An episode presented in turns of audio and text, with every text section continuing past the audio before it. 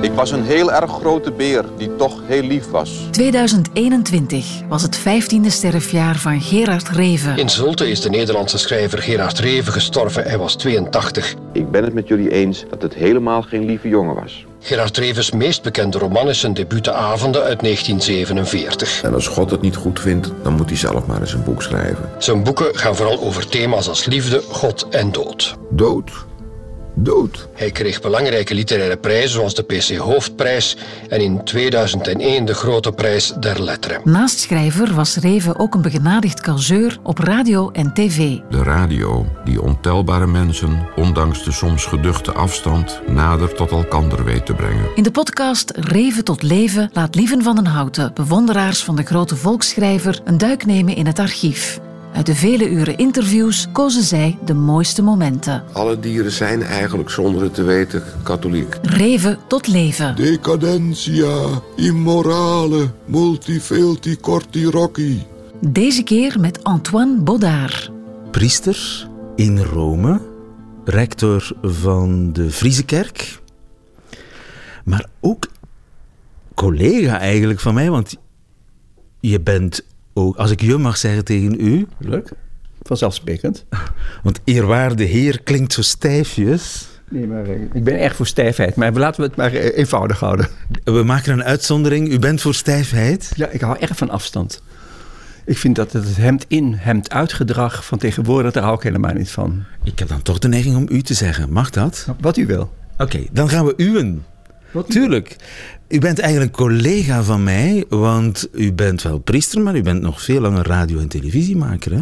Ja, ik ben als uh, jongeling van 21 ben ik bij radio begonnen en spoedig nadien op televisie. Dat heb ik met onderbrekingen gedaan en daarnaast heb ik gestudeerd. En eigenlijk ben ik natuurlijk meer iemand van de universitaire wereld, maar ik moet ook zeggen dat ik ook altijd wel graag tot de dag van vandaag gaarne mee bezighoudt met radio en televisie. Meer dan 50 jaar radio- en televisiemaker. meer dan 30 jaar priester. Ja. En actief in Rome, de Friese kerk, wat is dat voor iets eigenlijk? Dat is de Nederlandse kerk. Ik, ik noem het liever de Nederlandstalige kerk, om ook de Vlamingen te verleiden om naar die kerk te komen. Eh, de naam Friese kerk heeft te maken met het gegeven dat in de vroege middeleeuwen de Frisoni, zoals de Italianen noemen, woonden van Brugge tot Bremen, dan wel van Duinkerken tot Danzig, de kustbewoners. Dus het heeft weinig te maken met de provincie Friesland hier, hoewel de provincie dat gaarne anders ziet. Maar wordt er dan mis in het Nederlands gedaan? Er wordt mis wordt in het Nederlands gedaan, maar kan ook in het Latijn gedeeltelijk, desgewenst, maar niet in een andere taal bij voorkeur. Priester, radio- en televisiemaker, mag ik u ook Reviaan noemen? Nou, ik heb Gerard er even veel te danken. Ik heb veel van hem geleerd. In zekere zin blijf je natuurlijk toch Reviaan, hoewel uh, stilaan zijn oeuvre gedateerd raakt. Uh, ik, net heb ik gelezen een, uh, een column van Jean-Pierre Ravi, de dichter, in Groningen. Ik, ik, zag hem in Groningen en toen ging het gesprek erover dat heel veel wat Gerard Reven schrijft over de roomblanke dochters enzovoort en de zwarte enzovoort. Hij zei in die column Ravi dus ik denk niet dat makkelijk nog Gerard de Reven herdrukt zal worden. Nu, over controversiële uitspraak uh, gesproken. Uh, de heer Reven heeft er wel een paar gedaan, met name ook over de kerk. Uh, het instituut waarin u actief bent, professioneel. Mm -hmm. ik ga er twee van zijn ja, zal ik, zal ik het ergste. Het kan niet erg zijn hoor, zeg maar. Het kan, het kan niet erg zijn. Nee, allee. Het zijn twee classics die ik even heel kort wil laten horen. Uh, fragment 1 speelt zich af in de Vondelkerk, de Heilige Hartkerk, hier in Amsterdam, ja. oktober 1969. Gerard Reven heeft zo pas de PC Hoofdprijs gekregen, wordt geëerd en men heeft hem een gala-avond, als ik het zo mag uitdrukken, aangeboden, die rechtstreeks wordt uitgezonden op de VPRO-televisie. Een avondvullende ja, show met zangeres zonder naam, met goochelaars. In een kerk, rechtstreeks. De kerk zit vol. Er wordt gerookt. Het is 1969. Allemaal langharig werkschuwtuig in de kerk. En op het einde doet Gerard Reven deze uitlating over de katholieke kerk. katholicisme is het ware geloof. Je moet natuurlijk een, een sterke maag en een goede spijsvertering hebben. Maar de katholieke kerk is een heerlijke kerk, maar is ook, en u hoeft hier alleen maar om u heen te kijken, is ook een poppenkast. En in een poppenkast moet je ook een Jan Klaassen hebben. En de functie van de Jan Klaassen, die vervult deze paus. Deze man doet wat van hem verlangd wordt. Hij zegent automobielen, uh, jachthonden, uh, bromfietsen. Hij ontvangt uh, deputaties van huisvrouwen. Hij ontvangt pelgrims die de laatste 25 kilometer met, al, met rauwe of gekookte erten in hun schoenen gelopen hebben of achterwaarts gelopen hebben. En dan spreekt hij die mensen toe en dan zegt hij hoe het verderf uh, om zich heen grijpt in film, televisie en overal. En hoe de rokken van de dames maar steeds korter worden. En dat is heel goed dat hij dat zegt. Ik bedoel, dat is noodzakelijk. Hè? Dat is de voorzienigheid, die wil dat zo. En daar is iedereen tevreden mee. Maar er hoeft niemand zich maar ook iets van aan te trekken.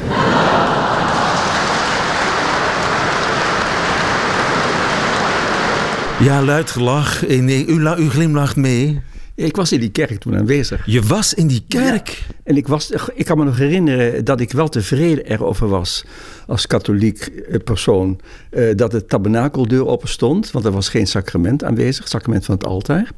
En ik was geschokt door het gegeven dat ik iemand als Renato Rubenstein en nog een paar mensen, bekende Amsterdammers, dat ik die voor mij in de bank zou schuiven en meteen een sigaret opsteken. Dacht, dacht ik, wat, het gaat wel erg ver op dit moment.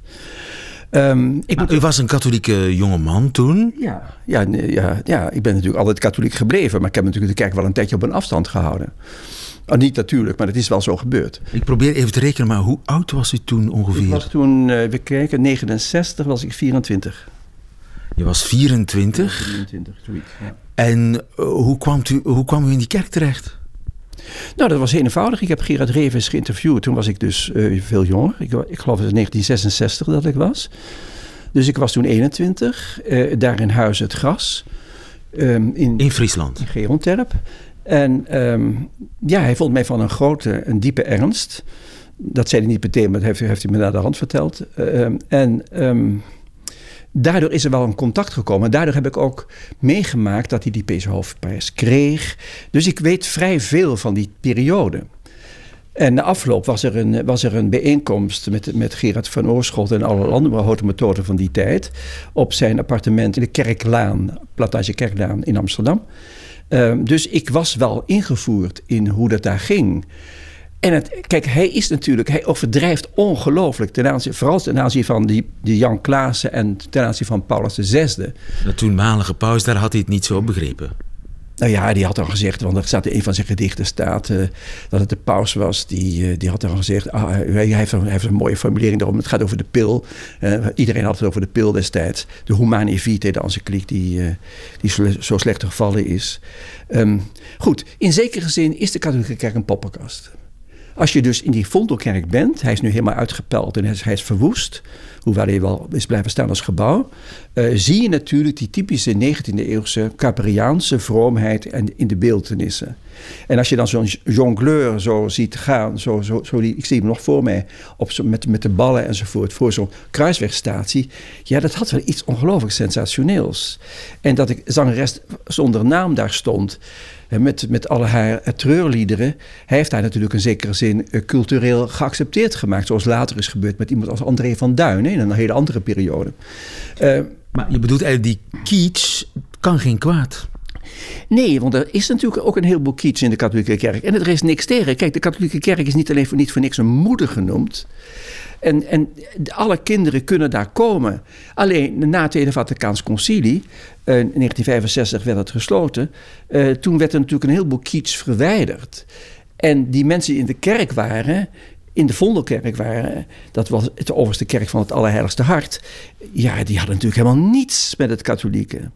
Dus Gerard Reven kon fors keer gaan tegen de kiets in de katholieke kerk. Maar iedereen vond het natuurlijk prachtig omdat daarmee niet alleen de katholieke kerk op een bepaalde wijze werd gepresenteerd, hoe wij natuurlijk, hij natuurlijk beleidend katholiek was geworden, maar juist zijn dubbele bodem van en katholiek en ook de kitsch enzovoort, ja, dat vond men natuurlijk prachtig. Dus men dacht, iedereen heeft altijd gedacht, Gerard Reven is alleen maar uit ironie katholiek. Het welk ik niet geloof. En jij wist dat toen al, want je had hem in Friesland in 1966, drie jaar daarvoor, geïnterviewd. Jij als katholieke jongeman had toen al het idee, het is niet alleen maar provocatie. Het is voor een deel provocatie, maar hij meent het ook echt. Ja, dus, maar, maar dat heeft hij dus een hele leven volgehouden. Ik kan me nog herinneren, daar in, eh, in, eh, in Geronterp stond er een, een doodskist midden in, de, in, midden in de kamer. Daar is ook veel over geschreven. En daar kon je, af, kon je al het aan wennen hoe je daarin zou liggen. De binnenkant was ook paars, de buitenkant was bruin. En daar stond de moeder gods in een, in een soort nis met een lichtje ervoor. Ja, het was kitsch, opperste kitsch met kunstbloemen erbij. Maar het was ook ontroerend. Hoe stond hij tegenover jou? Want ik kan mij voorstellen dat als een 21-jarige diepgelovige jongeman bij hem komt aankloppen in Friesland, dat hij wel eens ja, gevoelens kon krijgen en die nogal duidelijk kenbaar zou maken. Ja, dat deed hij ook. Maar um, ik was in die tijd, um, ik, moet het, ik moet het toch voor, de, voor het biografische element belangrijk. Ik ben van school gestuurd door de Jezuïeten omdat ik te dom was om priester te worden. Dat was het ene argument. En ten tweede moest ik helemaal niets hebben van die revolutie. Wij, u weet, in de, in de Nederlanden hebben wij twee grote revoluties gehad. Althans in de noordelijke Nederlanden. De ene was in 1566, de beeldenstorm. En de tweede is gekomen in 1966. Dus dat was in een periode dat ik, dat ik de katholieke kerk op grote afstand hield. En hier mijn Gregoriaanse platen draaide, maar nooit een kerk van binnen betrad omdat jij tegen dat Tweede Vaticaans Concilie was? Nee, helemaal niet. Ik ben erg voor het Tweede Vaticaans Concilie. Maar de afdronk die in Nederland overigens veel eerder is gekomen dan in Vlaanderen, om het bij Vlaanderen te houden, uh, die is hier, hier werden, hier, wat ik al zei, hier werden de beelden verwijderd. Hier was een beeldenstorm. Letterlijk. Letterlijke beeldenstorm. Letterlijke beeldenstorm. De mensen die, die verbranden de paramenten in de tuinen van de kerken. De meeste altaren die nu weer met veel geld terug zijn gehaald voor een gedeelte. Die werden verwoest. De Vondelkerk was een van de weinige kerken waar het hele meubilair nog bewaard was gebleven. En dat was natuurlijk extra in trek bij, Gerard Reven. Hij heeft die kerk ook gezocht. Ik kan me nog goed herinneren, een kapelaan destijds daar, die pas is gestorven. Hij is oud geworden, die was er falikant tegen. Maar de pastoor daar vond het wel goed. Maar goed, we dwalen een beetje af. Uh, ik was gewoon nieuwsgierig naar hoe dat moet geweest zijn, die piepjongen. Hoe keek u, na, hoe, hoe keek u naar uh, die man op? Nou, ik, vond hem, ik, vond hem, ik had natuurlijk de avonden gelezen. Ik had meer boeken van hem gelezen. Um, ja, ik vond, het wel, ik vond het een interessante man. En ook fascinerend in zekere zin. En op een of andere manier was de verbinding ook zodanig. Wij waren een keer zeilen met, met, met uh, Tijgertje en er was Woelrad nog niet in beeld. Uh, zijn twee huisgenoten, zal ik maar zeggen. zijn twee vrienden. Um, en ook andere mensen. En toen waren we op het Tjeukenmeer. En toen zei hij tegen mij... Goh, toen was ik 23 inmiddels. Zei ik, kan me niet, ik was nooit zo terug op jouw leeftijd. Ik was nooit zo, zo vergaand in het nadenken over het leven. Dat heeft mij wel, dat heeft mij toen wel gepakt, om zo te zeggen. Ja. Ontstond er zoiets als vriendschap? Ja, in zekere zin wel. Maar het was gelukkig ook zo dat Gerard Reven nou niet erg is meer voor de houthakkers niet. Ik was, ik was, meer, ik was meer een vrede jongen. Dus die verleiding is niet aan de orde gekomen. Maar um, um, het is wel zo dat, die, dat er een vriendschap ontstaan is. Dat was ook dat in de tijd dat toen hij de PC Hoofdprijs kreeg op het slot, Buitenslot en mevrouw Margret P. Eh, van hem een kus kreeg. Dat, dat ik, wist ik natuurlijk al lang dat hij die zou krijgen. En ik was toen met, met, met mijn, destijds mijn, uh, mijn geliefde, een architect uit Maastricht. En toen zei Gerrit er even toen wij daar aankwamen, zei hij gewoon, jullie zijn wel een erg mooi paar. Dat waren we ook toen ook. Oké, volgende fragment. Ook een aangebrand fragment. Dan gaan we naar 1974. Op dat moment eh, staat Gerard Reven op het, werkelijk op het toppunt van zijn, uh, van zijn roem misschien wel. Rob Tauber heeft oh, een show gemaakt, de grote Gerard Reven Show. Een avondvullende te televisieshow waarin hij uh, kinderverhalen voorleest, waarin hij optreedt. Er is showballet, er is Gerard Cox die zingt, er is Adèle Bloemendaal die zingt. En er is ook een fameuze sketch met poppen, waarbij ja, God volgens mij een ezel is. Dat is natuurlijk de verdedigingsreden, nietwaar? Het ezelproces, dat wat zo enorm veel leiding heeft gegeven, waarvan hij vrij is gesproken. Door onder meer de opmerking te maken dat ik ehm, in de geheime opening van de ezel kom, is niet immoreel, maar het is amoreel. Het staat los van de mores. Dat, die reden heeft hij gehouden en toen, uh, ja, toen is hij vrijgesproken. Ik was een heel erg grote beer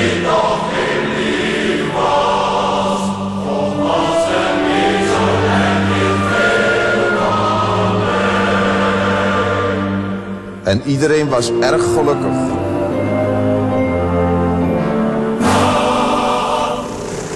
Ja, de show zelf is een, een beetje gedateerd. Hij is op YouTube nog in fragmenten, denk ik, uh, te zien. God was een heel erg grote beer die toch heel lief was. Ja, dat was hij zelf, toch? Ah, ik was een, ja juist, oh sorry, ja, je, bent, je, je corrigeert mij en terecht. Ik was een heel erg grote beer die toch heel lief was. Ja, maar het gaat natuurlijk ten diepste over tederheid. En um, de intimiteit um, die hij natuurlijk losmaakt van ja, wat de moraal zegt over uh, enzovoort enzovoort.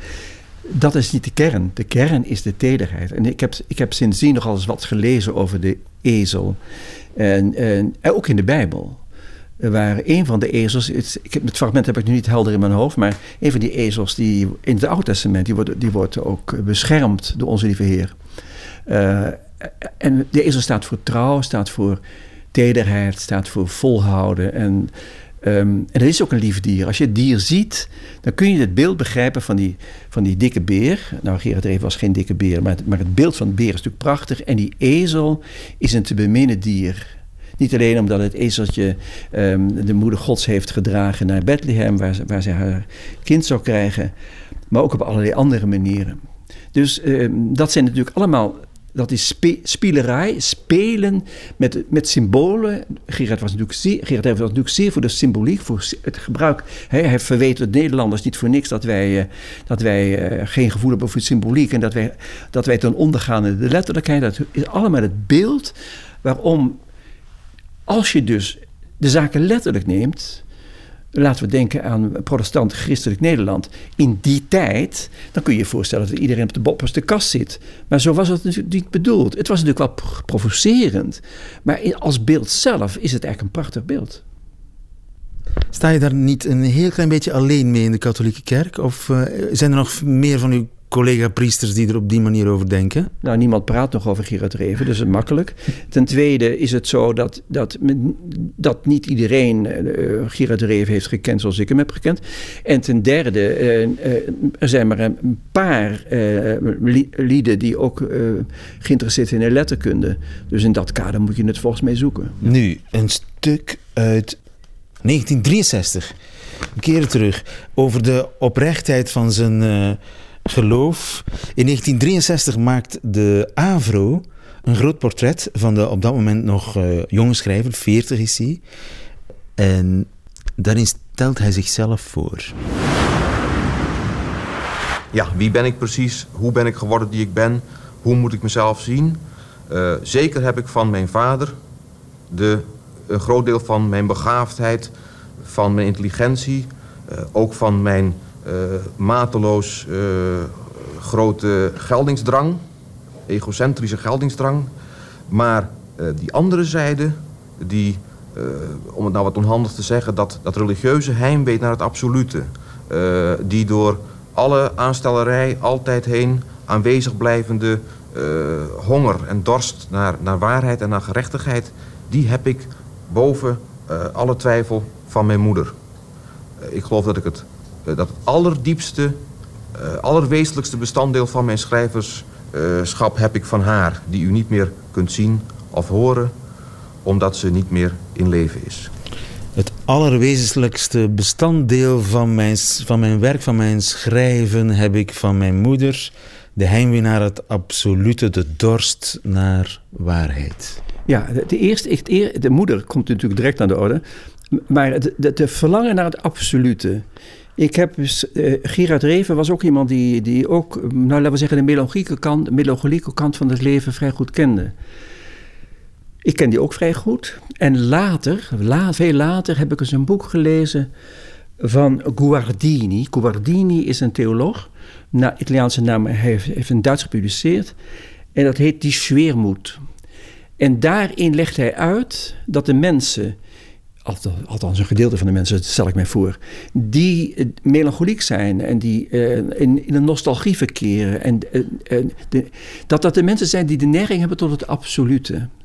Die mensen die. die en het, wat is het absolute? Dat is toch het waaraan niets meer voorbij gaat. Dat is dus, wat Gerard Reven ook hier zegt in dit fragment, waarheid. En voor christen is waarheid Christus. Maar zo, zo precies zou ik het niet willen zeggen. Het, het, het verlangen naar het absolute, het diep religieuze. En kennelijk heeft hij dat van zijn moeder. Maar hij hield heel veel van zijn moeder ook. Maar dat was dus in diepste wezen een religieus schrijver. Ja, dat kun je niet anders zeggen. We gaan luisteren naar een interview van Antoine Baudard, uzelf, met Gerard Reven in 1970, 25 maart. Voor de NOS. Ja, ja, 1970, ja, ik herinner U herinnert zich dat nog? Ja, ja. Het ging over de vierde persoon Gods, meen ik. De vierde persoon Gods zijnde Maria. Ja, precies, daar ging het over. Dat weet ik dus nog, ja. Het lijkt mij dat in deze tijd die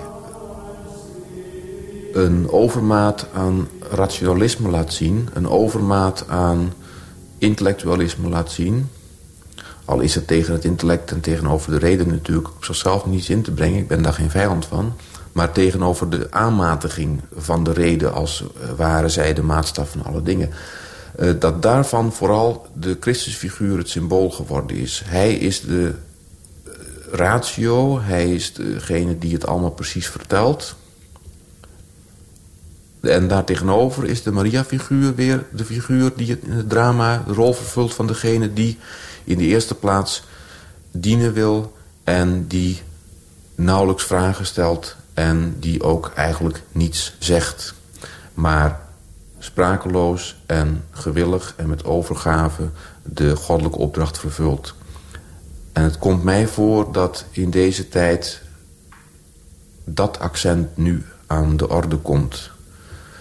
Dat men nu langs genoeg uh, ge gehoord heeft wat in de evangelie... wat Christus er allemaal zegt, zeer behartigenswaard. Uh, niet om, om, om te verwerpen of om ooit om daar afstand van te doen. Helemaal niet. Maar om nu eens de passieve zijde van de zaak te bekijken. Om nu eens eh, de mensen de gelegenheid te geven tot overgave. Waar de mensen ongelooflijk diep behoefte aan begint te krijgen.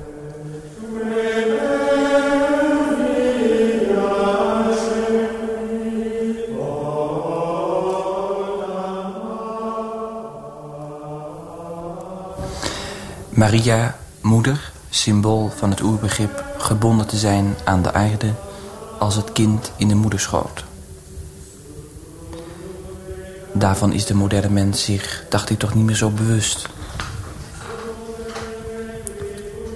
Dat mag misschien zo zijn, maar de behoefte aan gebondenheid, aan veiligheid...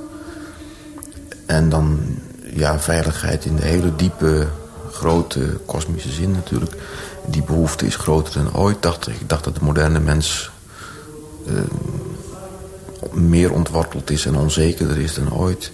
Juist omdat hij al die zekerheden heeft gekregen... die uh, voordien voor zekerheden werden gehouden.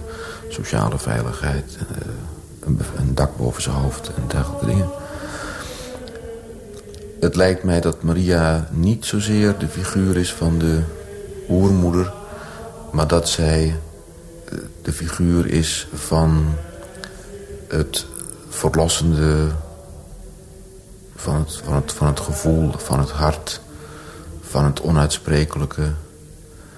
Ziet u in Maria ook de moeder van alle mensen? In de, in de vergoddelijking van Maria zie ik eigenlijk een, een, een vergoddelijking van het aardse, van het stoffelijke. Een erkenning van het lichaam. Niet een, een uh, slaafse overgave aan het lichaam, want dat is geen vrijheid. Dat is ook weer slavernij natuurlijk. Maar een, een verheerlijking van de schepping die toch ook gezien moet worden als waarlijk God.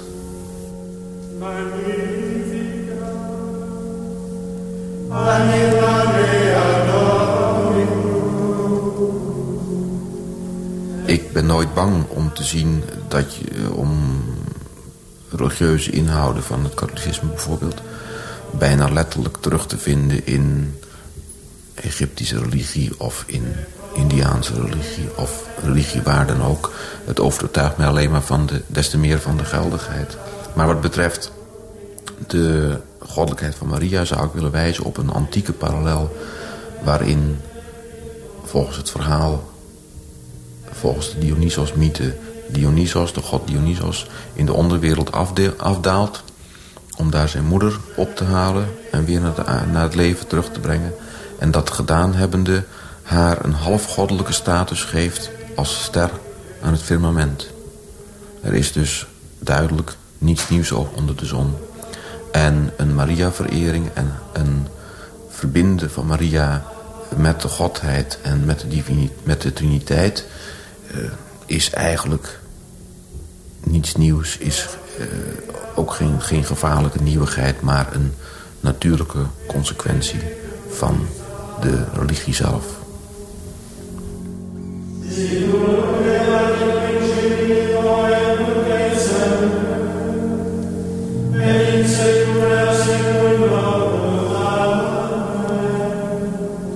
Ja, hij, hij was echt een grote fan hè, van Maria. Ja, maar het is interessant dat hij zich voortdurend ook tegenspreekt. Om daar eens mee te beginnen. Kijk, het is natuurlijk niet zo dat, hij zegt: Christ, de Christus figuur is het rationalisme. En Maria is de figuur die dient. Uh, in die tijd, ik was 25 jaar toen ik, toen ik dit interview met hem deed. Um, heb ik hem niet weersproken. Uh, maar ik denk dat Jezus bij uitnemendheid juist heel goed aanwees dat de ratio uitermate beperkend is. En dat de ratio niet zo verwaand moet doen, zoals heden ten dagen, maar meer de eigen plaats moet weten en dat de ratio erg dienend zou moeten zijn.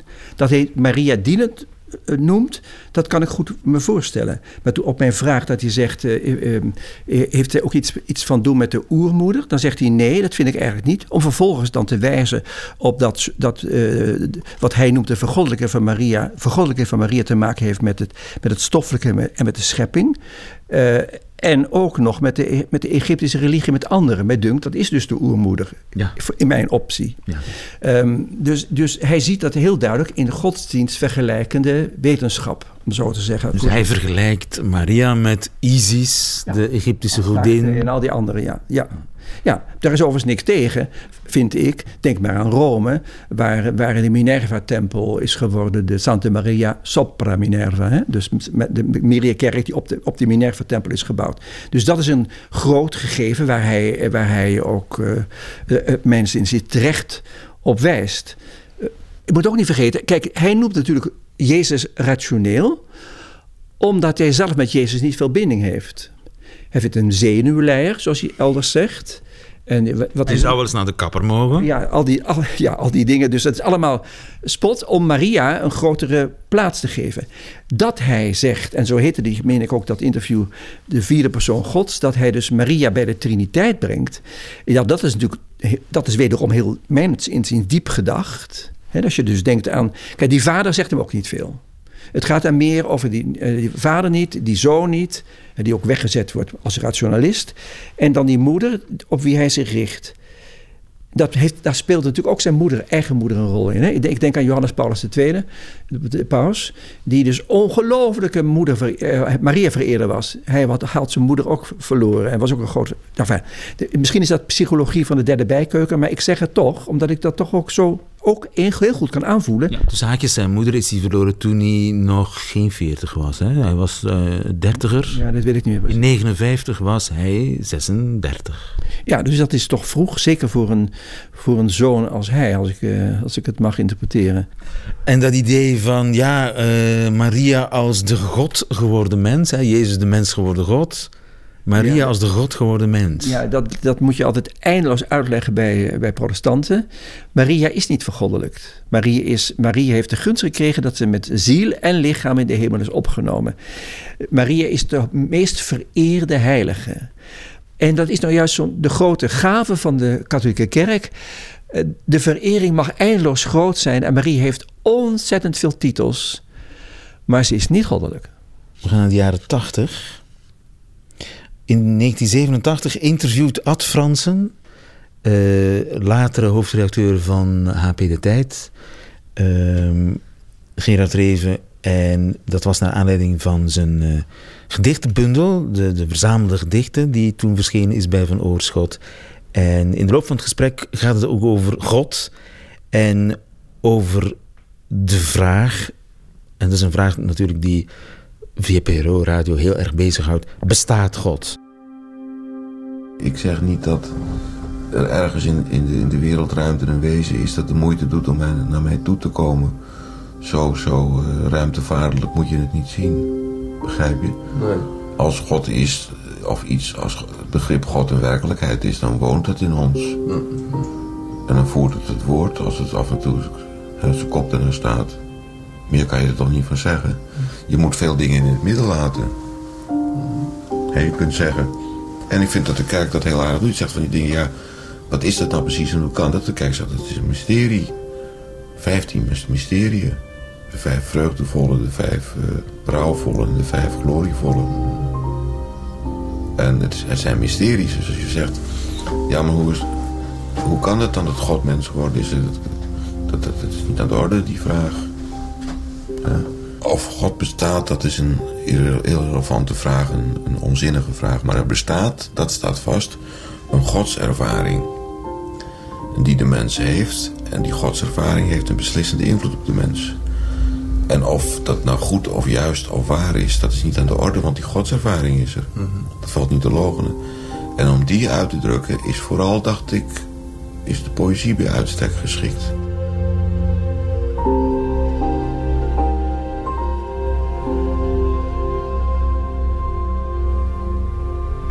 Ja, of God bestaat of niet, maakt niet zoveel uit. De godservaring is reëel. Nou ja, die is natuurlijk subjectief. Je kunt het niet bewijzen. Je kunt het natuur ingaan, je kunt Bach beluisteren en voor het Gregoriaans beluisteren. En, en iemand, iemand, iemand aankijken bij wie er een bepaalde ontroering aanwezig is. Ja, dat, dat, zijn allemaal, dat wijst naar God voor mij en voor Gerard Reven kennelijk ook. Maar God hoeft niet een soort entiteit te zijn die van buitenaf naar je toe komt. Ik geloof erin. Ik geloof met, met, met, met Pascal dat, dat, dat, dat God is de vader van uh, Abraham, Isaac en Jacob. Die mens is geworden in Christus. Ik geloof dat. Ja, maar dat is beeldspraak, zou Reven zeggen. Ja, dat weet ik niet of Reven dat zou zeggen. Uh, uh, zover zou ik misschien niet gaan. Maar ik mag misschien van de gelegenheid gebruik maken om één één gedicht van hem uit mijn kast te halen. Ik heb dat menig keer voorgedragen. Is dat goed? Tuurlijk. De hele revenverzameling daar. U heeft alles van hem. Ik denk het wel, ja. ja.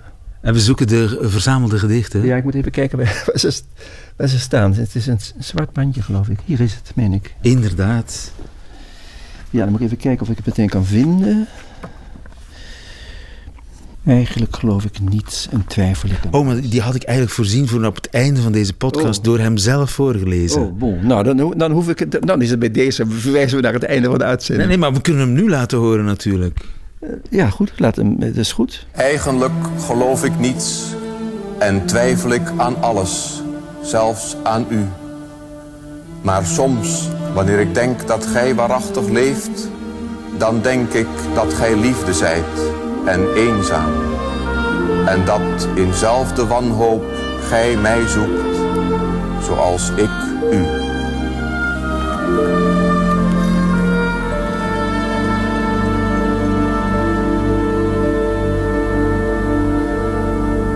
Dat valt het een beetje samen, hè? Ja, het gaat dus voorbij aan, uh, aan wat de katholieke kerk zou leren, want God heeft ons niet nodig. Maar het gegeven dat, dat hij zo eruit ligt. Uh, niet alleen dat hij twijfelt, dat is natuurlijk nummer één, dat hoort bij die godservaring. Maar ook dat hij, dat hij, dat hij aangeeft dat God ook ons zoekt. Dat is de verbindende element, wat ook theologisch verklaarbaar is als je denkt uit de Triniteit, die dus al, intimiteit in zich is, als, is al gemeenschap in zichzelf, die, die de gemeenschap aan de, aan de christenen, aan de mensen, aan de mensen wil over, overdragen. En dat hij zo ver gaat, en dat is natuurlijk het prachtige beeld, maar u heeft mij eigenlijk ook nodig, u zoekt mij ook. En dat is inderdaad ook een een, een, een, een, speculatieve theologie die alleszins de moeite waard van het overwegen is. speculatieve theorie, je zou kunnen zeggen ketterij. Nou, zo zou, ik nooit, zo zou ik dat nooit willen benaderen. Ik zou altijd liever praten vanuit de poëzie. Kijk, uh, niet voor niks heeft een van de dichters, ik geloof Martinez Nijlf, gezegd... Hè, wij, wij liegen de waarheid, de dichters liegen de waarheid de dichters hebben natuurlijk, en de oude Plato heeft het ook al gezegd, niet? Ze aangeblazen door de muze. Dus ik, ik denk dat wij met eh, de, de gave van de poëzie um, gereikt veel verder dan de ratio. En, um, en, beelden, ook in de mystieke literatuur zijn beelden natuurlijk. Maar beelden, maar het zijn wel beelden die diep doordringen. Maar Eigenlijk geloof ik niets en twijfel ik aan alles. Maar soms, wanneer ik denk dat gij waarachtig leeft, dan denk ik dat gij liefde zijt en dat eenzelfde wanhoop gij mij zoekt zoals ik u. Zou u dat ook kunnen zeggen zo? Ja, ja. Ik heb dit, dit, dit gedicht heb ik uh, destijds voorgelezen voor het Letterkundig Museum in Den Haag. En ik heb het daarna nog voorgelezen en ik heb het ook in NRC heb ik er een artikel over geschreven. Ik heb heel veel, juist over dit gedicht nagedacht, ja. En ik herken mijzelf er ook in. Eigenlijk geloof ik niet, wanneer ik mijn kop alleen maar laat werken. En twijfel ik aan alles. Bent u, bent u voortdurend met vakantie of komt u ook nog eens een keertje in mijn hart terug? Zo in die zin. En, en, en dat God ook ons zoekt, dat is een immense troost voor een mens die, tot wie God zich eh, vernedert om, om bij mij te komen wonen. Wat ook trouwens bij Johannes in het Evangelie staat. Dus het is zo'n prachtig beeld. En het is ook heel troostend. Je zou het in de Eucharistie kunnen opnemen ergens in de liturgie. Nou, dat lijkt, me, dat lijkt me nou weer niet. ik moet u zeggen dat ik nogal, nogal thuis ben geraakt in de liturgie. Daar zou ik het niet in zeggen. Maar ik zou het wel als een penitentie in de biechtstoel kunnen opgeven aan iemand die ook twijfelt. Oké. Nu, het is altijd voor uh, een, een, een, groot deel van de Nederlandse en Vlaamse lezers. Het is een, een, een weerkerende vraag geweest van hoe kan iemand uh, die zo uh, die uit een communistisch nest komt, die zo tegen de schenen heeft geschopt van het establishment, hoe kan iemand gelovig worden? En ook die vraag is aan bod gekomen in dat fameuze gesprek 1987 Ad Fransen voor de VPRO, naar aanleiding van de verschijning van de dichtbundel. Hoe is Gerard Reven katholiek geworden?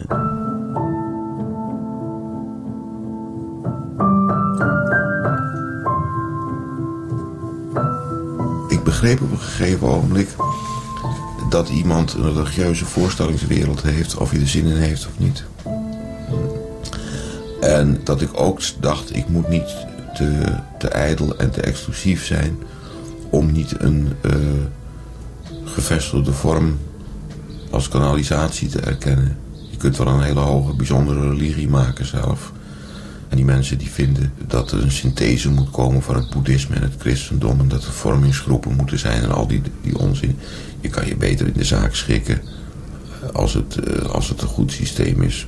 En als het oude symbolen uh, voortdraagt, mm -hmm. dan, is het, dan is het goed. Dan moet je vrede mee hebben. Ja. Kijk, kijk, je bent ergens bij niet omdat je het met alles eens bent. Maar omdat je het met betrekkelijk weinig dingen oneens bent. Mm -hmm. Maar het duurde nog even voordat, zeg maar, uh, in dit geval misschien pas de kogel voor u door de kerk was. Uh. ja, ja, ja. ik werd in juni 66 werd ik Rooms-Katholiek. En in september lag ik in het gesticht. ik weet niet of, Te Assen. Uh, ik weet niet of het een kausaal verband is. nou, misschien word je eerst gestraft om daarna de vruchten te plukken van... Nou, nooit kan het geloof te veel verwachten. -huh. Maar als je nou nog dieper gaat, komt het misschien voort uit het, dat eeuwige getop van u met de dood. Dus die bij heel veel gedichten hebben het thema de dood. Hè? Ja, dat, heb ik. Dat maakte misschien die doodsangst van u, uh, uw leven ook zo chaotisch in die tijd. Ik bedoel... Ja, ja ik, geloof, ik geloof dat hij altijd wel blijft, maar dat je toch. Uh, je kan ook zeggen, er is niks aan te doen, dat is ook een troost. maar als je, als je over de dood denkt, kijk, filosofische angst voor de dood is niet nodig. Natuurlijk, de dood is noodzakelijk en de dood is uh, volslagen aanvaardbaar. De dierlijke biologische angst, je kent ook zelfs het dier als het zover is. Maar daarvoor niet. Maar er is natuurlijk geen, geen enkele reden om uh, de dood te vrezen. Helemaal niet. Het zou een mooie boel zijn als je bleef leven. En in de psychiatrie bestaat een ziektebeeld waarbij de patiënt door ongelooflijke angsten gekweld wordt. En waar ze alles moeten doen om, die, om het een beetje te verlichten. En dat die patiënt denkt dat hij nooit zal mogen sterven. Dat hij veroordeeld is om immer te leven. En dan zie je dus dat doodsangst misschien toch niet een gezonde houding is. En voor u destijds? Hoe zag die doodsangst voor u eruit? Als u daar nu op terugkijkt? Ja, natuurlijk. Want al die, alle mensen hebben die mee bij zijn een panisch gevoel van de zinloosheid. Hè? Dat het leven geen duiding heeft. Dat is de link inderdaad naar de religie dan. Dat je toch duiding of omslotenheid, zoals u het zegt, wel eens in uw werk zoekt. Nou, de, vrijheid de, kijk, de religie die, die predikt uh, de eenheid van leven en dood. En dat wordt dan vertaald voor de goede gemeente in een verwachting van een bestaan hierna en dergelijke. Maar dat is niet de essentie van de boodschap. De essentie van de boodschap is, hoewel wij misschien sterven en verstuiven als as, en er niets overblijft en er ook niet een, zoals een volgend bestaan is, heeft dit bestaan toch betekenis. Is dit toch eeuwig. Maar wie het anders wil zien, je mag erover speculeren. Je hebt er wel eens ideeën over. Anderszins kun je zeggen, het is toch eigenlijk hoogst onwaarschijnlijk. Uh, omdat het wezenlijke van ons bestaan niet door de materiële dood uh, vernietigd wordt. Omdat het wezen van ons bestaan niet materieel is, niet kausaal is. Uh, wat Schopenhauer de wereldwil noemt, de objectivatie van de wereldwil. Uh, dus natuurlijk moet een religie speculaties bevatten over iets wat komt. Omdat het letterlijk moet, omdat het die, een dimensies moet hebben. Hè? Maar als, als de religie zegt, je hebt eeuwig leven, zeg ik ja, dat is waar. Het gaat er maar om hoe je dat gaat interpreteren. Ja. Maar ja, de volgende vraag. De religie kan ook zeggen, wij prediken u het einde van alle bestaan. Die zijn de, verlo de, verlossing van het bestaan, dat is het ideaal van het boeddhisme. Mm -hmm. En eigenlijk ook het ideaal van het christendom. Schopenhauer zegt niet ten onrechte dat het uh, christendom uit, uit Azië komt. En het jodendom en de islam uit Perzië. Er is een eeuwig leven en er is een verlossing, zoals u... Ja. En als je dat zegt, uh, dan, dan doet, die, doet je dat wat en dan zeg je dat is zo. Maar als je dat gaat uitleggen en probeert een tastbare vorm te geven, dat kan niet. Maar dat moet, je moet er een voorstelling aan geven. Dus je zit op een wolk op een harp te spelen en zo. En dat is, die voorstellingen zijn niet verboden. Mm. Kijk, wat betekent de lichamelijke opneming van Maria? Hoe moet je dat in godsnaam voorstellen? Ja. Het is een, een, waarheid, een eeuwige waarheid. En het is ook niet verboden om dat te schilderen met een vrouw die omhoog stijgt in de, in de wolken omringd door engelen. Dat is toch een mooie voorstelling. Daar kan toch niemand aanstoot aan nemen. Dat is toch niet onzedelijk? Of het, nee. Ja, het houdt de arbeidersjeugd van de klassenstrijd af. Dat wel natuurlijk, maar dat is te beter. Kun je dat...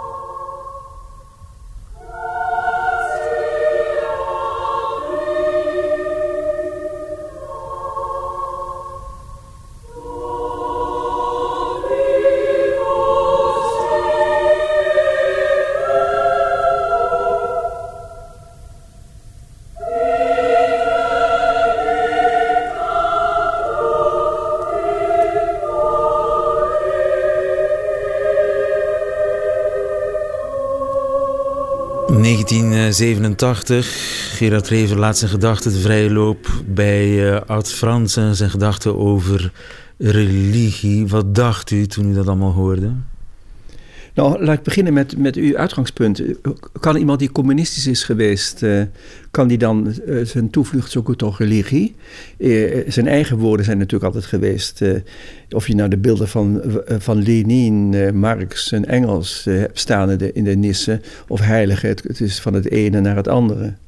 En het tweede is, ehm, hij probeert de godsdiensten bij elkaar te brengen Hoewel hij, uh, hoewel hij zegt, uh, het gaat erom dat je je in de zaak schikt als het eenmaal een goed systeem is. En dat is misschien voor hem wel een aantrekkingskracht geweest van de katholieke kerk. Omdat die, de, de hele kerk is een soort bouwwerk. Uh, met, ook met de hiërarchie, met alles wat erbij hoort. En um, daar heeft hij zich in geschikt. En hij is niet met alles eens, zegt hij. Um, hij is met betrekkelijk weinig oneens. Dat zegt hij. Hij is met betrekkelijk, met betrekkelijk weinig oneens, maar dat hij dan, dat hij dan het boeddhisme en het, en het christendom bij elkaar brengt, daar heb ik als theoloog heb ik daar wel bezwaar tegen. Voor, voor mij is het boeddhisme een soort pre-christelijk gegeven, want er zit zelfverlossing in. Terwijl, eh, terwijl eh, in het christendom wordt veel meer gesproken over de verlossing door Jezus Christus is gekomen. Maar dat interesseert waarschijnlijk Gerard Reven dan gewoon niet. En dat laat hij dan ook gewoon weg. Dus in zoverre is, is, is het ook wel een, eh, vrij moeilijke uh, speculatie die hij uh, op het christendom loslaat, met name op de katholieke kerk. Nu, wat mij vooral bijblijft is dat hij zegt ja, dat eeuwige leven dat na de dood komt, dat, dat, daar geloof ik eigenlijk niet in. Dat, dat, je mag het zo interpreteren, maar ik interpreteer het helemaal anders. Het eeuwige leven is uh, namelijk dat de essentie van ons leven niet, niet stoffelijk is en dus ook niet kan sterven. Ja, dat vind ik een buitengemeen boeiende gedachte. En het, eh, op, eh, op uh, huistuin- en keukenniveau ben ik het daar zo mee eens. Men vraagt mij, men, vraagt mij vaak, maar hoe ziet u dan het eeuwige leven? Waarop mijn antwoord is, uh, het, is geen, het, is geen, het is geen verzekeringspolis. Wij weten dat niet. We hopen het alleen. En wij hopen dan inderdaad bij God te zijn zoals het, zoals het katholieke geloof en het christelijke geloof ook leert. Maar daar gaat het helemaal niet om. Het gaat erom dat je je leven zin geeft, dat Gerard Reven op een andere wijze ook zegt.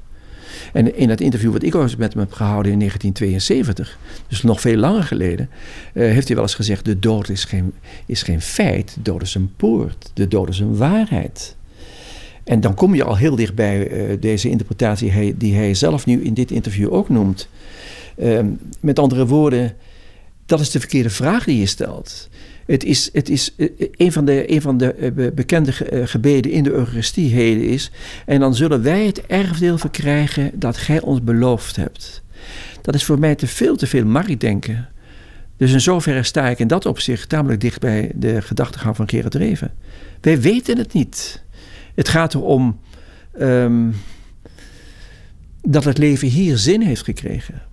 Hij noemde jou heel ernstig als jongeman. Hij vond jouw katholicisme ook heel ernstig. Nou, kijk, toen ik, toen ik uh, 23 was en wij dus de, op die zeilboot waren, toen vond hij mij ernstig, ja. Maar ik, eh, we hebben toen niet over het katholieke geloof zozeer gesproken. Nee, toen ik eenmaal uh, op weg was naar het priesterschap, heb ik hem nog eens geïnterviewd op de, op de, op de KRO-televisie in 1991. En toen vond hij mij ook wel erg ernstig, ja, dat weet ik nog. Toen zei hij, ja, maar God, vindt meneer Boerda, vindt u het niet een beetje zwaar zo laat op de avond? Waarop ik dus zei, nou ja, men kan ook de televisie gewoon afzetten, nietwaar? Waarop hij zegt, ja, maar al die gehandicapten, hoe komen die dan bij de televisie? nou, op dat moment kun je denken, ik ga nog door... Maar ik dacht, nou, ik ga het programma hem laten en het niet kapot maken. Dus ik ga niet in met hem in discussie. Ja. Maar um, in die, dat was in de periode dat ik dus, dus eh, zelf op weg was naar het priesterschap.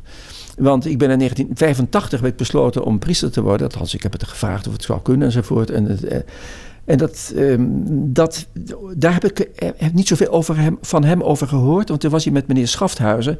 En dat was behoorlijk een, een bewaker uh, van uh, Gerard Reven. Um, maar toen ik gewijd was, in 1992 dus zeven jaar na de, na de hand. Toen heeft hij een reeks brieven aan mij geschreven in Elsevier. Dat ik natuurlijk helemaal dat niet zo serieus moest nemen. En dat ik dus wel erg ernstig ben. En dat hele celibaat moet ik niet zo serieus nemen. En toen was ik hem eigenlijk kwijtgeraakt. Want je kunt namelijk ook ruimdenkend zijn, toch binnen de grenzen van de moederkerk. En ik vind dat in ieder geval een priester uh, kan niet uh, de hand ermee lichten. Hij is een schrijver, hij is een dichter. Ik ben een priester. En een priester um, heeft de taak om de mensen niet in verwarring te brengen. En de mensen te troosten. Dus, maar dat vond hij eigenlijk afbreuk doen aan mijn persoon. Dat ik dat zo opvatte. Je kunt rustig achter de misdienaars aangaan. Er is er nog nooit iets in mij geweest dat, waar, waarin ik achter de misdienaars zou willen aanzitten. Dus dat is een fantasie van Gerard Reef. maar, maar de, de, context is duidelijk niet. Ja. Maar jij voelde je als uh, pasgewijde priester een beetje gedisrespecteerd. Nou, zo ver ging het niet. Maar het is wel zo dat het regende opzeggingen bij Elsevier dat men vond dat Gerard Reven uh, ver over de schreef was gegaan. Um, uh, waarop hij mij een keer opbelde. En toen was ik net terug van een, van een lange reis die ik als priester heb gemaakt. En dat hij zei: ja, ja, geef mij dan antwoord. Antwoord mij dan ook. Um, en toen heb ik gezegd: Gerard, dat, dat kan ik nu nog doen. Ik zal het met de tijd doen. Ik heb dat ook gedaan. En opgenomen in mijn boek Romeinse brieven. Um, maar het gaat erom.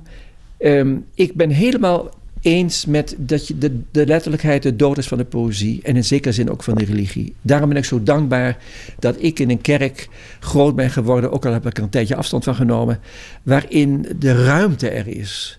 Dus de, de, de, de devotie van Maria en alles wat er, wat er mogelijk is. Dus wij zijn de poëzie niet verloren in de moederkerk. Hoewel wij de laatste tijd ook erg lijden aan de, aan de letterlijkheid. Maar goed, uh, dat terzijde. Het kan ook samengaan. Je kunt namelijk ook een zodanig verbindenis met, met, met, met Christus, met God aangaan, dat die liefde voldoende moet zijn. En dat is iets wat, wat nu weinig begrepen wordt, maar dat is wel. Uh, en dat vond ik jammer dat hij, dat hij dus die wijsheid toen toch niet kon opbrengen de wijsheid om. Dat juist in het, in het celibataire leven, wat ik toen tenslotte al zeven jaar deed, dat je niet kunt begrijpen dat er mensen zijn, hoewel hij zelf um, wel degelijk um, een zekere aanleg heeft tot de mystiek. Hè. We weten ook, bijna alle beelden uit de mystiek komen uit de erotiek. Hij zelf spreekt er ook over, ook die, ook die hele ezelkwestie enzovoort. Dat is, me, dat is me toen wel tegengevallen. Dat hij toen. Uh, uh, dat hij dat niet snapte. Dat hij niet zich kon verplaatsen daarin. Ja, dat hij eigenlijk niet zich kon verplaatsen in jouw keuze om voortaan celibatair door het leven te gaan. Ja, nou ja, dat is dan heel kaal gezegd, maar uh, daar komt het op neer. Het komt in feite erop neer dat het celibataire leven voortkomt uit de overgave, de unieke overgave die je aan God doet. Ja. En dat is een beetje blijven steken bij u? Nou nee, verder is het... Uh... Maar het is wel zo dat op een gegeven moment een vriend van mij... die in de Lakenhal van Leiden werkt... die ging een schilderij bij hem kopen... En toen kwam, ja, kwam mijn naam ter sprake. Toen, had, wat, toen, zei, toen herhaalde hij dat nog eens. Het was vlak voordat hij in de duisternis verdween van het, uh, van het hoofd. Dus uh, het, moet, het moet gebleven zijn. We zitten nog steeds bij Oud Fransen op de schoot. Enfin, op de schoot. We zitten tussen hen in. We luisteren mee naar uh, wat Gerard Reven vertelt aan uh, Oud Fransen in 1987. Over religie zijn we nog altijd bezig. Over hoe serieus hij dat meent en hoe ver hij kan gaan in de spot. De spot die hij ook met u dreef toen u priester werd. En, en zei, ja, voortaan ga je nu celibatair leven. Hij stak daar een beetje de draak mee.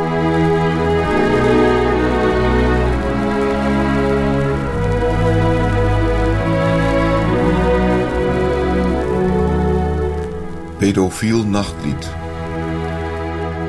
Als ik een knapenkoor hoor zingen van lieve heiland Heisasa, van Jezus Christus Halleluja, dan stromen mijn tranen neder, terwijl ik denk, wat moet er van die jongens worden? Een mooi geloof, een groot geloof, een waar geloof ook, en daarbij wat een akoestiek. Maar wat is toch de aardigheid van levenslang op iemand wachten die telkens tot zijn spijt verhinderd is.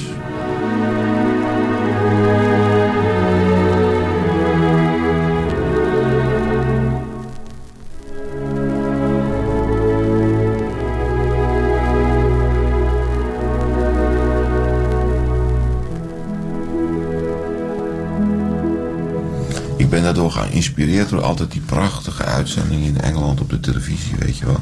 Daar wordt nog veel aan, aan religie gedaan. En daar heb je altijd die Songs of Praise op zondag of op zaterdagavond laat, weet je wel. En het zijn altijd eh, op de televisie hele eh, mooie, lieve, eenzame weesjongens, weet je wel. Met een schoon overhemd en een donkere tas. En die staan dan te zingen en dan ruist dat zo, weet je, die, dat orgel. Dat zie je niet meer veel in Nederland. Ah, en dan heb ik een, misschien iets gedronken, weet je. Inderdaad, het is waar, weet je wel. Ik zit altijd... Ik ben ook lid van de evangelische omroep. En ik kijk altijd naar al hun concerten en hun samenzang. En eh, het leger des heils. En uh, ik luisterde s'avonds ook tussen tien en elf naar altijd een dominee die en een dominee die. Die, uh, begrip, die uitlegt wat het begrip werelds is en dit en dat. En over. En dat, zijn, dat zijn helemaal geen fanatici hoor. Dat zijn hele mensen die heel goed bij hun verstand zijn. Hoor. Ik ben er niet voor niks lid van. Ga door. Maar er staat een vraag aan het einde van dat gedicht. Ja, ja. ja Wat is de aardigheid? Ja, ja, ja. Het is dus... Uh, het is ook frustrerend dus. Ja, het is eigenlijk... Uh, het is, ik geloof, helpt gij mijn ongeloof. Weet je wel, de vader die de maanzieke knaap bij uh, Christus bracht. Mm -hmm. Die had epsiklepsie, maar dat heette toen maanziek. Mm -hmm. En uh, als u nou iets... Want het heeft, uh, weet je, een boze geest pakt hem. Die heeft hem als in het water en het vuur geworpen. Maar als gij iets kunt doen, weet je wel. En dan zegt Jezus dat niks onmogelijk is voor iemand die gelooft. En dan de vader roepende onder tranen zegt... Heer, ik geloof.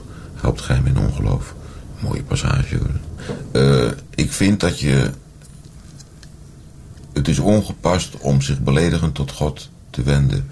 Maar je mag wel eens vrijmoedig het woord tot hem richten, dat geloof ik wel. En uh, we staan voor raadsels, we kijken in de spiegel van een duistere reden. Mm-hmm. En, maar in mijn beste momenten zeg ik altijd tegen de mensen... ik ben het eigenlijk in grote lijnen wel met God eens...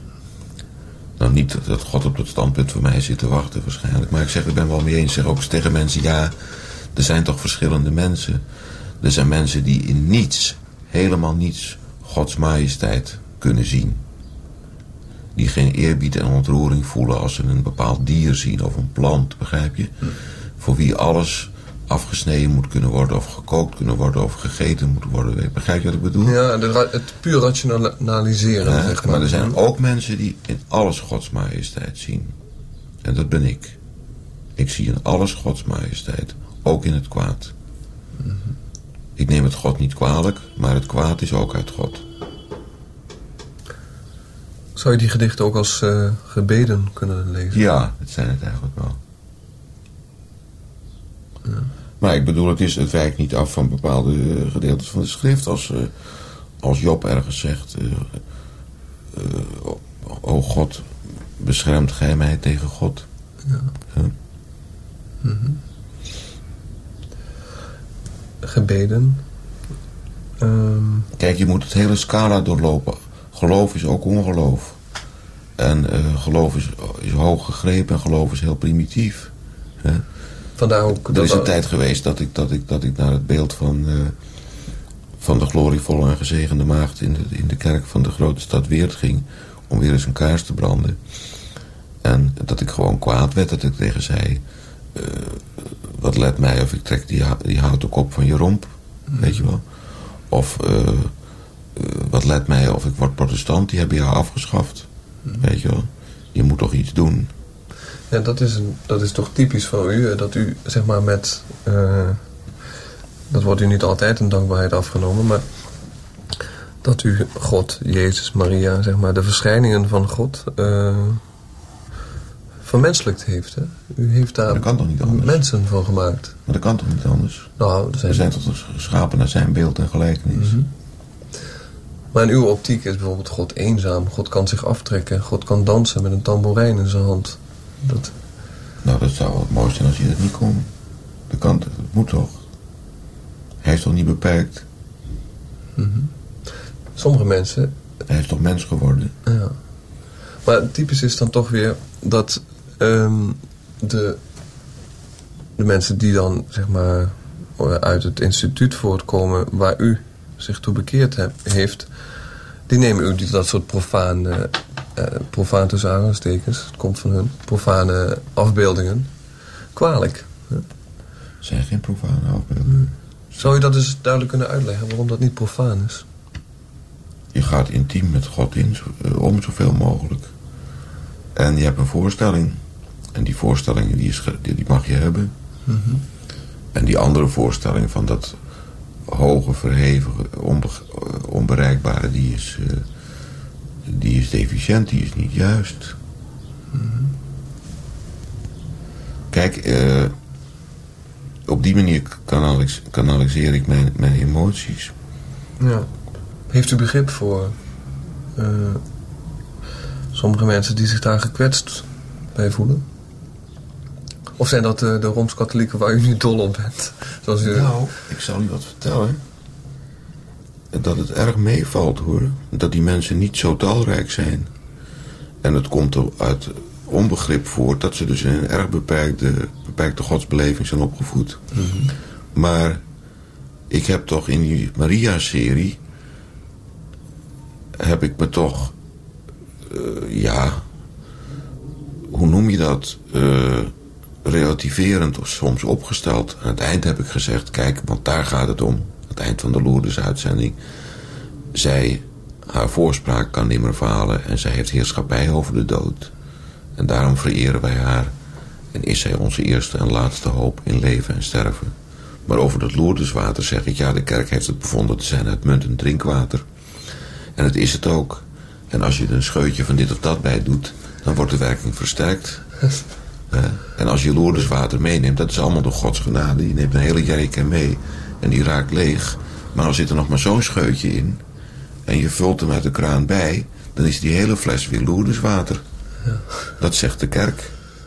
En de kerk wordt geleid door de Heilige Geest en kan nooit uh, in haar oordeel dwalen. Dus dat is toch goed?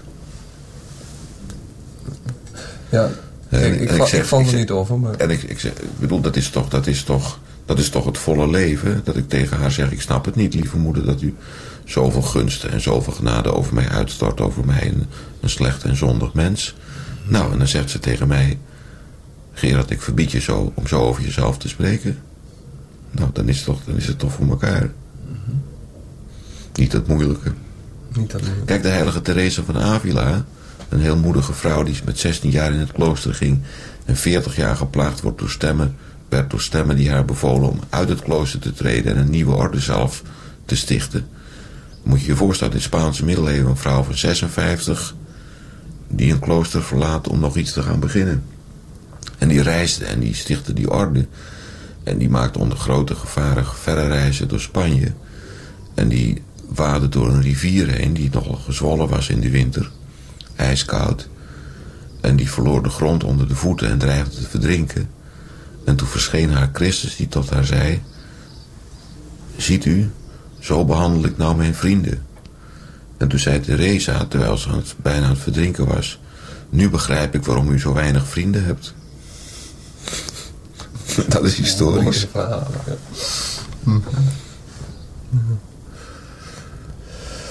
Ja, al die gekke eigenaardige verhalen. Er was een non in België land een tijdje geleden. En die was heel vroom en die gaf heel goed les op school. Maar op een gegeven ogenblik zweefde ze 40 centimeter boven de grond. En de kinderen die juichten en die vonden het prachtig. En toen stond ze weer op de grond. En toen vroegen die kinderen of het nog eens, nog eens kon. Begrijp je? maar dat is niet, dat is niet eerlijk. Hè? Dat is niet eerlijk. Nee. Ik bedoel, het, één keer is toch genoeg? In die gedichten, ik weet niet of het waar, of het waar is, u moet, maar, u moet maar corrigeren. Maar in het begin heb ik het idee dat u nog niet goed weet wie u moet aanspreken. Die, u heeft eerst toch tegen een God. Een gij die vaak een hij is. En nog niet meteen tegen Maria. Ja, als je het mij vraagt, maar ze vragen mij niks, denk ik dat God een vrouw is. Hmm. En uh, ja, als je tot haar bent, zit je altijd goed, omdat hij haar niks kan weigeren. Dus, Ja, de, zij is de troosteres hè, van alles en iedereen. ja, ja. Dus dat heeft, dat heeft uw keuze bepaald, denk ik, in die tijd. U zat diep in de sores. Oh, maar ik heb het nooit gebruikt als een uitvlucht of zoiets. Maar Nee, kijk, niet een uitvlucht, Nee, maar troost, zeg maar. Ja, kijk, moet je luisteren. Het is alleen maar bij mij. Ik ben helemaal niet katholiek geworden. Ik ben altijd katholiek geweest zonder het te weten. En het is alleen maar door de kanalisatie van dat instituut en de pasklaar gereed liggende symbolen die in de loop der eeuwen goed uitgewerkt zijn en goed verwoord zijn, waardoor ik me kon uiten en mezelf kon zijn. Ik heb niet iets anders gevonden, ik heb mezelf gevonden.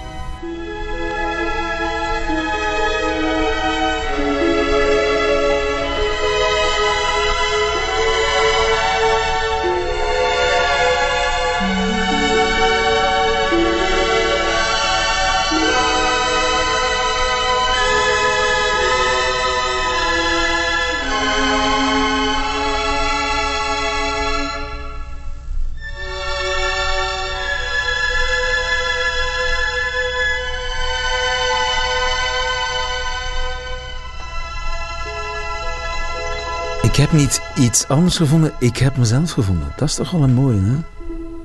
Ja, maar wel, wel, helemaal in de sfeer van de vergelijkende godsdienstwetenschap. Dus ehm, hij voelt zich dan wel thuis binnen het systeem van de katholieke kerk. Maar ehm, kijk, ik, waar, ik, ik was eigenlijk in het voorafgaande, eh, werd ik opnieuw enthousiast over wat hij zo al geze- gezegd heeft. Maar dit, dit, dit gedeelte uit het interview vind ik een diepe teleurstelling. Eh, eh, je- hier eh, ehm, manifesteert hij zich weer als degene, zoals hij zelf zegt, ook in dit programma, eh, behept met een egocentrische geldingsdrang. Hij, iedere keer moet het weer leuk worden. En dat amuseert natuurlijk ook. En wij moeten er ook om lachen. Daar gaat het nou verder niet om. Maar het heeft weinig te maken eh, met de katholieke kerk. Ehm, bijvoorbeeld een opmerking als... eh, dat, wat, is, wat is het eigenlijk levenslang op iemand wachten? Dat heeft, dat heeft toch geen zin? Hè? Als je de grote... Die telkens opnieuw verhinderd is. Ja, dat is natuurlijk dat is banaal. Dat kan wel leuk klinken. Het klinkt ook leuk. Maar als je de Augustinus erop na zou slaan... of Simone Weil... Dus de, de vrouw die nooit katholiek is geworden... maar die wel een boek heeft geschreven... Het wachten op God. Dat is een hele andere benadering. Eh, en dat, is, dat vind ik dus banaliserend. En hij zegt dat ja, het God, in, in God steekt ook het kwaad. Nou, als je, als de elementaire eh, dingen in, in, de, in het christendom is, niet alleen in de katholieke kerk, is het natuurlijk dat in God juist niet het kwaad steekt. En hij is heus iemand die belezen is. Hij moet ook die stroming van de mani- manichaeïsme gekend hebben. Dat was in de tijd van Augustinus. En over de vermenselijking van God. Natuurlijk, God is mens geworden de- eh, in Christus, dus in God de Zoon. Maar dat is, dat is toch een ander iets. Dus het is allemaal, het is allemaal wat makkelijk gezegd. Ja. Ehm, God is eenzaam, God kan zich aftrekken, allemaal in zijn gedichten. Ja. Dat, dat is iets wat u als priester wel een beetje kwetst. Ja, en bovendien eh, niet als een priester, maar gewoon ook als, als gewoon overtuigd katholiek. Ik moet, iemand ze- ik moet eerlijk zeggen, ik vind Gods nabijheid prachtig wanneer dat is. En dan begrijp ik, die, ben ik ook nog niet zo burgerlijk dat ik al die symbolen die hij daarvoor gebruikt, ehm, dat ik dat heus eh, kan eh, aanvaarden. Maar ik zou daar tegenover willen zeggen, en zover is jammer dat, hij, dat, dat dat niet meer mogelijk is, dat juist God in zijn, verhe- in zijn verhevenheid, in het, in het, in het, in het ehm, onweerstaanbare, in het, in het, in het numineuze, ehm, in het, in het ehm, ja, wat, wat voor ons ver te boven gaat, waar ook veel over geschreven is, ook door mensen die helemaal niet katholiek zijn. Een van die mensen is eh, bijvoorbeeld een zeker Rudolf Otto in zijn boek Het Das Heilige uit 1917. Wat wij juist in onze dagen zo missen, dat is dat God niet meer verheven is. Maar dat wij bijna zelf God zijn. En eh, dat zegt Gerard Reven niet. Maar als wanneer eh, Willem Kloos dicht, ik ben een God in het diepste van mijn gedachten, dan kan hij toen nog gedacht hebben, ehm, God is diep in ons en God is ver boven ons. Hè? Augustinus die zegt, God is hoger dan de hoogste hoogte en dieper dan de diepste diepte. Ehm, ik denk dat juist eh, God die ehm, niet naar ons verlangt, ik, ik spreek me dus zelfs tegen wat betrekking tot het vorige, eh, dat misschien die nu wel veel meer de God is naar, naar, naar wie wij verlangen Ik praat niet zozeer over het christendom of over het katholieke kerk, maar in het algemeen gesproken. Dus u gaat eigenlijk een heel eind met Gerard Reven mee, maar niet tot op het einde. Nee, dat wil zeggen, ehm, ik ga met Gerard, ik begrijp die beelden. En ik, omdat ik hem gekend heb en ook met hem opgetrokken ben, ken ik veel daarvan. Begrijp ik het ook? Heb ik het ook uit de context kunnen blijven begrijpen? Ook toen ik theologie ging studeren. Maar dat, dat, e-, die egocentrische geldingsdrang ken ik natuurlijk ook uit het met hem uh, optrekken, bevriend zijn. Uh, het gaat altijd over Gerard. En uh, God wordt erbij aangewend, wordt gebruikt om, om, de, om, om het amusement voor te zetten. En ik reageer nu zo omdat ik toch een hele eind met u samen eh, naar fragmenten heb geluisterd. En dat heb geprobeerd te duiden uh, aan de hand ook van wat ik als theoloog kan duiden. Maar nu, in dat laatste fragment, banaliseert hij zijn eigen intuïties, die heel vaak waar zijn. Ja. Zou je hem dan nog katholiek kunnen noemen? Nou, het huis van de vader heeft vele kamers. Dus ik zou hem wel bij God wensen, ja, natuurlijk. Leest u hem soms nog? Eh, nee, eigenlijk niet. Voor uw komst heb ik nog eens wat nageslagen. Ik zal het zo zeggen. Toen hij doodging, toen werd mij gevraagd... zou je niet eens over Gerard de Reven een boek willen schrijven? Maar dan natuurlijk... Uh, en ik heb het ook een titel gegeven. Uh, Reven en de Moederkerk. Um, en in de loop van dit gesprek met u dacht ik, ik ga u de, ik ga u de podcast vragen om die mij eens toe te sturen. Dan kan ik altijd weer nog eens mee aan de gang. En die zin daartoe werd mij in de laatste fragment wederom ontnomen. Ach. Ja, maar dat heeft, kijk, misschien doe ik het wel, wel eens. Um, maar ik heb ook zoveel andere dingen te doen, niet? Ik bedoel, ik, ik heb zoveel andere dingen te doen. Missen ze niet een beetje Gerard Reven in Rome? Uh, een, een wat meer ironie en begrip voor wat, wat in beelden van de poëzie wordt gezegd. En een, een, een zekere relativering niet van het geloof, maar wel van de personen die geloven. Daar ben ik wel erg voor, ja. Uh, mystici worden eerst op afstand gehouden en daarna pas gecanoniseerd. Zou het kunnen dat Gerard Reven ooit heilig wordt verklaard? Nee, dat stel ik me niet voor, nee. Daarvoor heeft hij te veel geketterijen ook in, het, in hetgeen hij beweert. Bijvoorbeeld dat het kwaad in God steekt. Daarmee, daarmee heeft hij zich volledig gedisqualificeerd. En Marie als de vierde persoon gods, wederom een disqualificatie waar je nooit overheen zal komen. Ja. Stel dat u nog eens in Friesland een boottochtje met hem zou kunnen maken. Stel hij zou nog leven. En u gaat met hem varen. Wat zou u tegen hem zeggen? Ik denk dat ik in eerste instantie niks zou zeggen. Ik zou veel eerder met hem gewoon samen op die boot uh, verkeren. En um, dan zouden we misschien via de, via, via de golven van het meer uh, op, op God kunnen uitkomen. Maar ik zou niet iets vragen. Ik ben überhaupt niet zo'n vrager. Je zou niks vragen. Eh, zou je ook niet aan hem willen zeggen? Ja, maar dat heeft dan toch geen zin meer. Als je, eh, eh, ook al zou hij nog leven, en ik zou hem bijvoorbeeld zeggen: Nou, Gerard, eh, is men niet, is men niet met jou te veel aan de haal gegaan? Heb je, ben je nog, toch niet te veel op je eigen grappigheid? Uit, ben je daar niet bij uitgekomen? Waarom heb je dat niet wat dieper doordacht? Ja. Want hij heeft die gaven. Ja. En daar, daarmee, iemand als Jaap Goedegeburen noemt, noemt Gerard Reven een mysticus. Ik zal dat niet doen. Ik zal dat zeker niet doen. Daarvoor is hij te zeer een egocentrische hoe nou, ook alweer? Dus mensen ook, eh, ook een mysticus kunnen zijn. Maar mij gaat het te veel over Gerard Reven. En hij kan natuurlijk wel zeggen, het gaat om de godservaring. Maar mij gaat het toch meer om God en niet om de godservaring. Het godservaring blijft steken in het, in het subjectieve. En ik, ik zoek meer het absolute. Heel veel dank, Antoine Baudard, voor deze verhelderende wandeling door het Reven-archief. Dit was uh, Reven tot Leven. Er zijn nog negen andere afleveringen die u kunt uh, beluisteren via uw favoriete podcast-app. Dankjewel en tot de volgende.